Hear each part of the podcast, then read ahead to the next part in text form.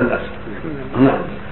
رجل عنده سلس في البول يقول إذا دخل الوقت وتوضأ فبعد الوضوء يخرج ما لا يزيد على نقطتين من البول وهو متحرج من ذلك. نرجو الجواب. إذا خرج إذا خرج شيء يعيد الاستنجاء ويعيد الوضوء ويترك الوساوس. اذا لا يعجل حتى يستنجي ثم إذا استنجى قام وتوضأ وترك الوساوس. ويرش ما حول فرجه الماء بعد الوضوء. حتى يحمل ما يقع من الوسوسه على هذا الرش. وبعد ذلك ينتهي هذا الشيء وينقطع عن هذا الشيء.